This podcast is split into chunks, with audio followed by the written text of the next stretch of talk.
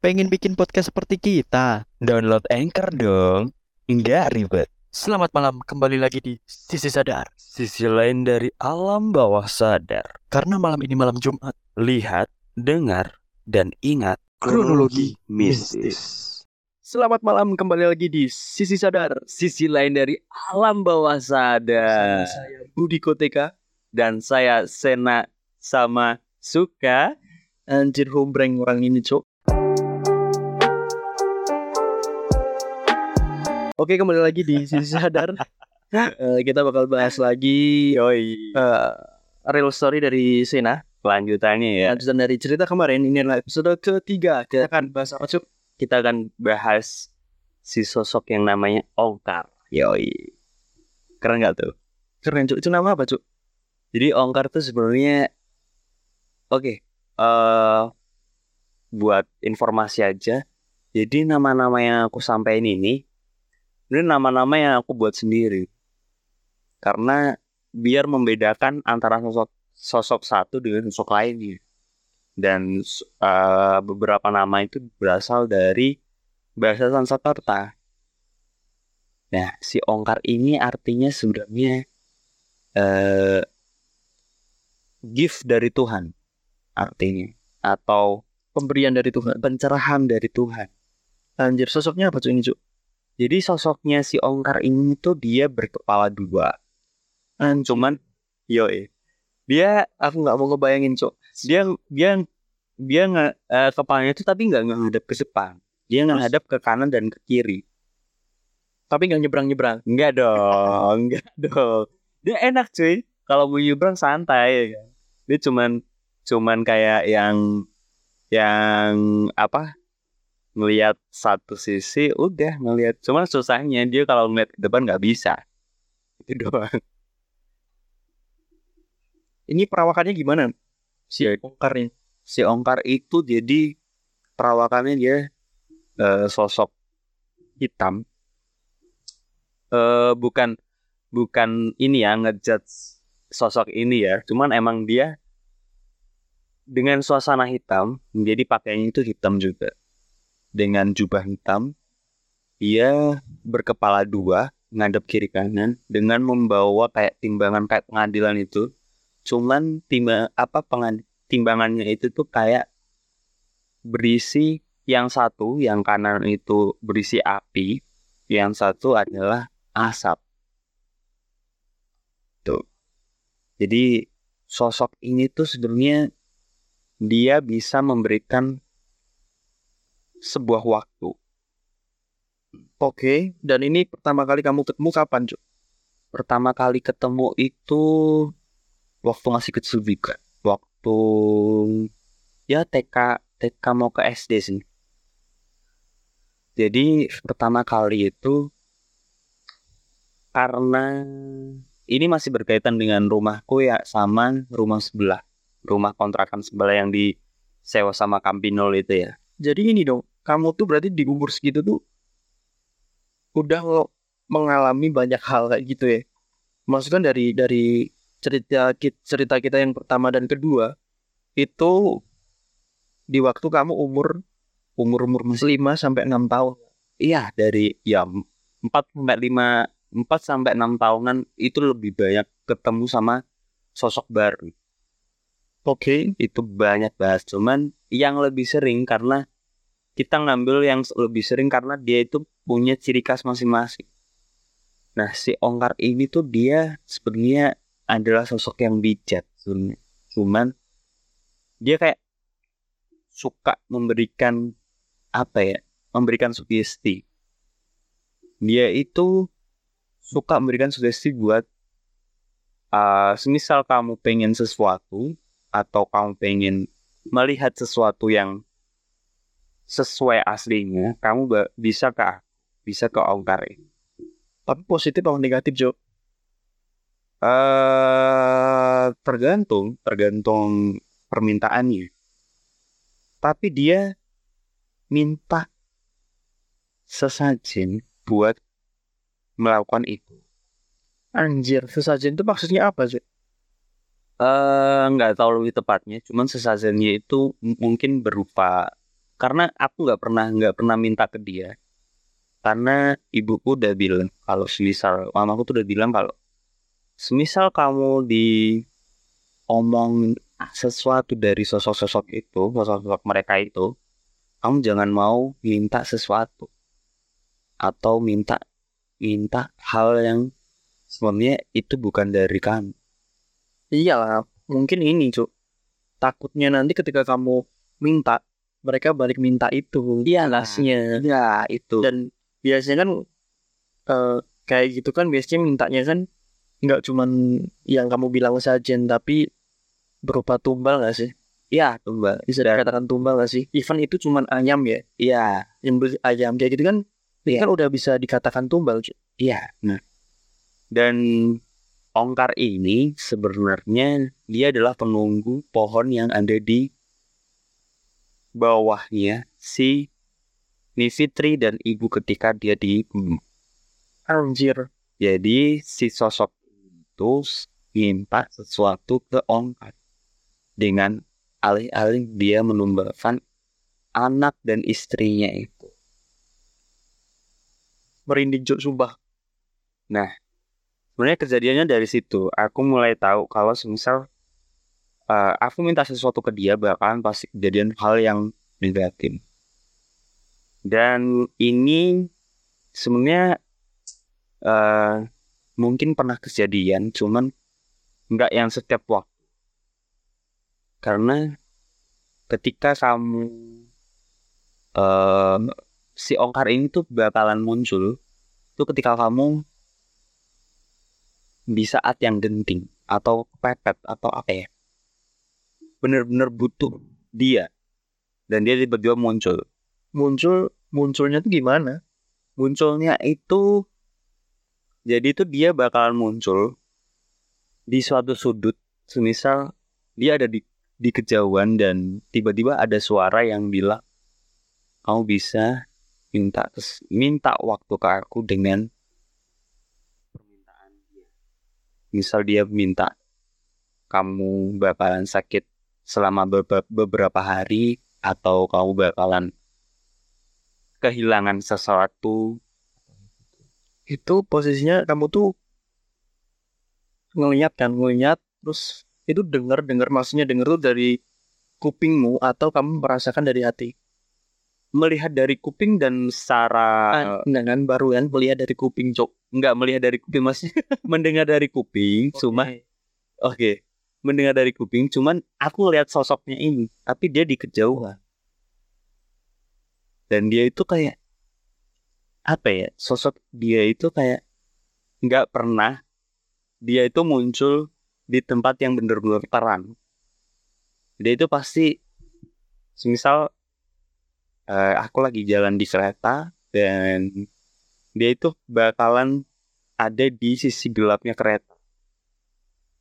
Semisal ada ada matahari dari kanan, otomatis ada dia ada bakalan ada di kiri seperti itu. Dan dia itu nggak pernah menampakkan diri di tempatnya orang. Tuh.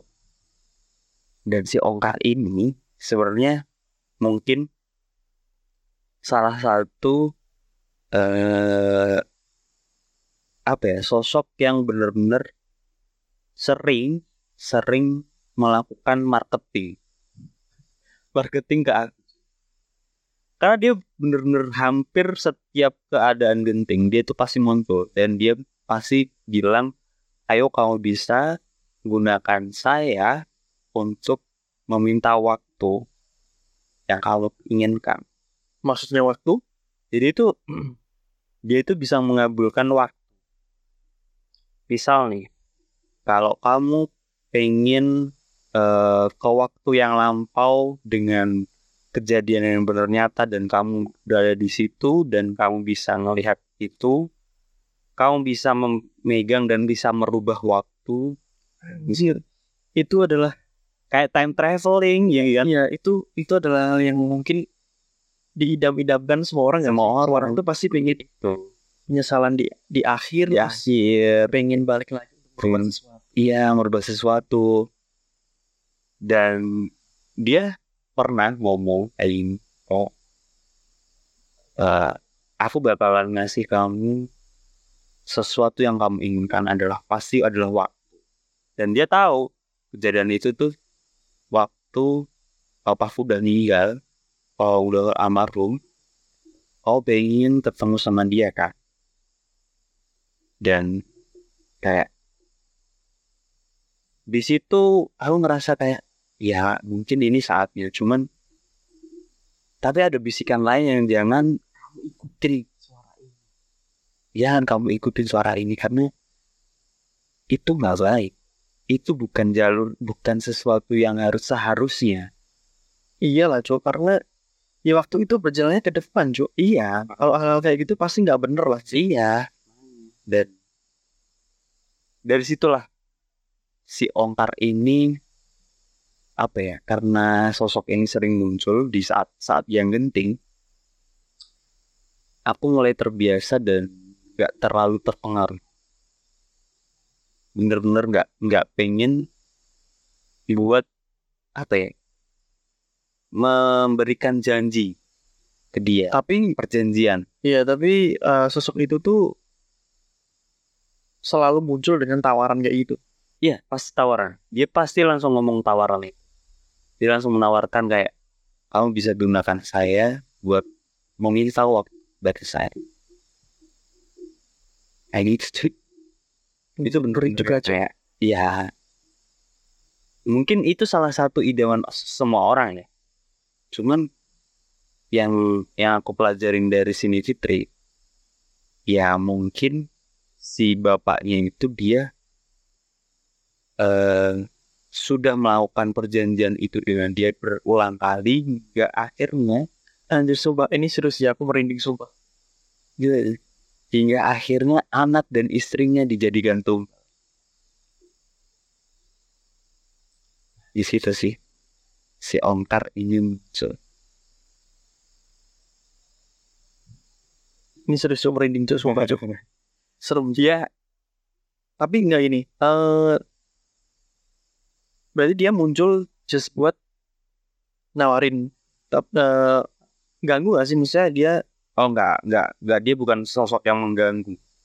Dia bukan sosok yang kayak nakutin dan ini enggak dia itu pasti semisal dia menampakkan diri tuh enggak dalam dalam dalam apa ya? Dalam satu ruangan yang kecuali kalau ruangan tertutup dan bener gelap dia itu pasti ada di situ karena karena apa? Kelihatan. Dia itu pegang pegang ini timbangan yang ada apinya dan itu pasti kelihatan. Dan kepalanya itu ya yang bikin bikin khas sisi sosok ini. Dia berkepala dua menghadap wujudnya apa cok kepalanya ini manusia. manusia manusia biasa Serem kan? Eh, dia tuh botak botak dan si ongkar ini tuh dia nggak pernah membuka mulutnya mungkin nggak tahu sih. Selama selama dia menampakkan diri dia tuh ka- kayak nggak kayak nggak bergeming semisal dia bicara itu nggak bergeming cuman ada suara yang masuk. Kayak kayak gitu sih itu ya mungkin kayak gitu sih si ongkat. Nggak terlalu nggak terlalu banyak historis yang bisa diomongin karena emang aku nggak pernah melakukan perjanjian dengan dia dan nggak pengen juga melakukan perjanjian dengan dia selama seumur hidup ya. Semoga aja. Anjir tapi tapi menurutku dari ketiga cerita ini Hmm? yang paling serem ini cok maksudku walaupun even dia nggak enggak ya ganggu atau mencoba untuk apa ya kayak sini Fitri ngajak main dan sebagainya nah, dia cuma posisinya diem ya terus ngasih bisikan. Tapi menurutku ini sereman ini cok iya emang emang. Dengan apa dengan dia ngasih op ngasih tawaran seperti tawaran terus dengan pertimbangannya kamu ngasih sesuatu karena dia bakalan ngasih sesuatu ke kamu juga. Iya iya gitu. Dan itu menurutku bukan mungkin lagi pastinya akan impactnya itu kayak negatif gitu negatif pasti negatif dan itu bener-bener yang sampai sekarang dia masih keluar ketika kamu Sampai cuy. Terakhir itu kemarin. anjir Iya, kemarin-kemarin banget sih. Masih masih beberapa bulan inilah dia muncul. Ya, cuman karena aku nggak mau jadi kayak ketergantungan dengan sosok ini. Dia nggak bisa buat melakukan kejadian ini dan pasti menolak. Dan cara menolaknya itu sebenarnya cuma kita mengalihkan pandangan aja udah dan dia seketika langsung hilang. tapi pernah nggak sih terlintas ketika itu kamu eh, dia muncul terus kamu lihat terus kamu tahu nih, nih sosok nih muncul dia pak pasti bakal nawarin sesuatu dan seketika itu karena kamu mungkin kepepet juga terus kamu ada sekelebatan pikiranmu tuh pengen ngambil tawarannya pernah gak sih Ada sih banyak banget sih Soy. terus apa yang Saat- membuat kamu untuk menolak Yang pertama omongan dari ibu sih, omongan dari mama. Jadi mama tuh udah bilang mewanti-wanti. Ketika kamu minta sesuatu ke mereka, pasti impactnya akan berkelanjutan. Karena mereka mereka tuh pasti nggak mau cuma satu dua aja buat buat buat meminta eh, tumbal misal kayak gitu. kan Dan aku nggak mau. Gue mungkin kayak gitu aja sih kayaknya si si Ongkar ini. Karena si Ongkar ini memang nggak terlalu nggak terlalu banyak ya tadi cerita yang berini cuman emang di beberapa eh, momen momen yang benar-benar kritis atau benar yang urgent itu dia pasti no nongol sih. Gitu anjir. Anjir nih menurutku serem cuk ya bisa bisa dibilang serem sih. Cuman emang ya kita kan emang dididik dari kecil kan buat buat menghalau apa ya keinginan yang seharusnya nggak kita nggak kita ambil. Misal itu nggak nggak secara wajar kan. Jadi ya keimanan kita aja sih yang harus ini. Walaupun emang aku nggak anaknya selengean dan ini cuman aku pasti masih tetap tetap pegang teguh buat nggak nggak melakukan hal yang kayak gitu Oke, eh, mungkin dari cerita si siapa? si Ongkar Si Ongkar ini malam ini cukup sampai segitu kali ya. iya kayak gitu Dan masih ada ber berapa? 6 ya? ada enam lagi sosok yang bakalan kita bahas Ini bakal ada 6 sosok lagi. Jadi buat teman-teman yang udah dengerin dari part 1 sampai eh, part 10 jadi bakal ada 6 lagi dari real story dari Sena, Sena sama Suka Bumut. Oke, sekian dari kami. Sisi sadar. sisi lain dari alam bawah sadar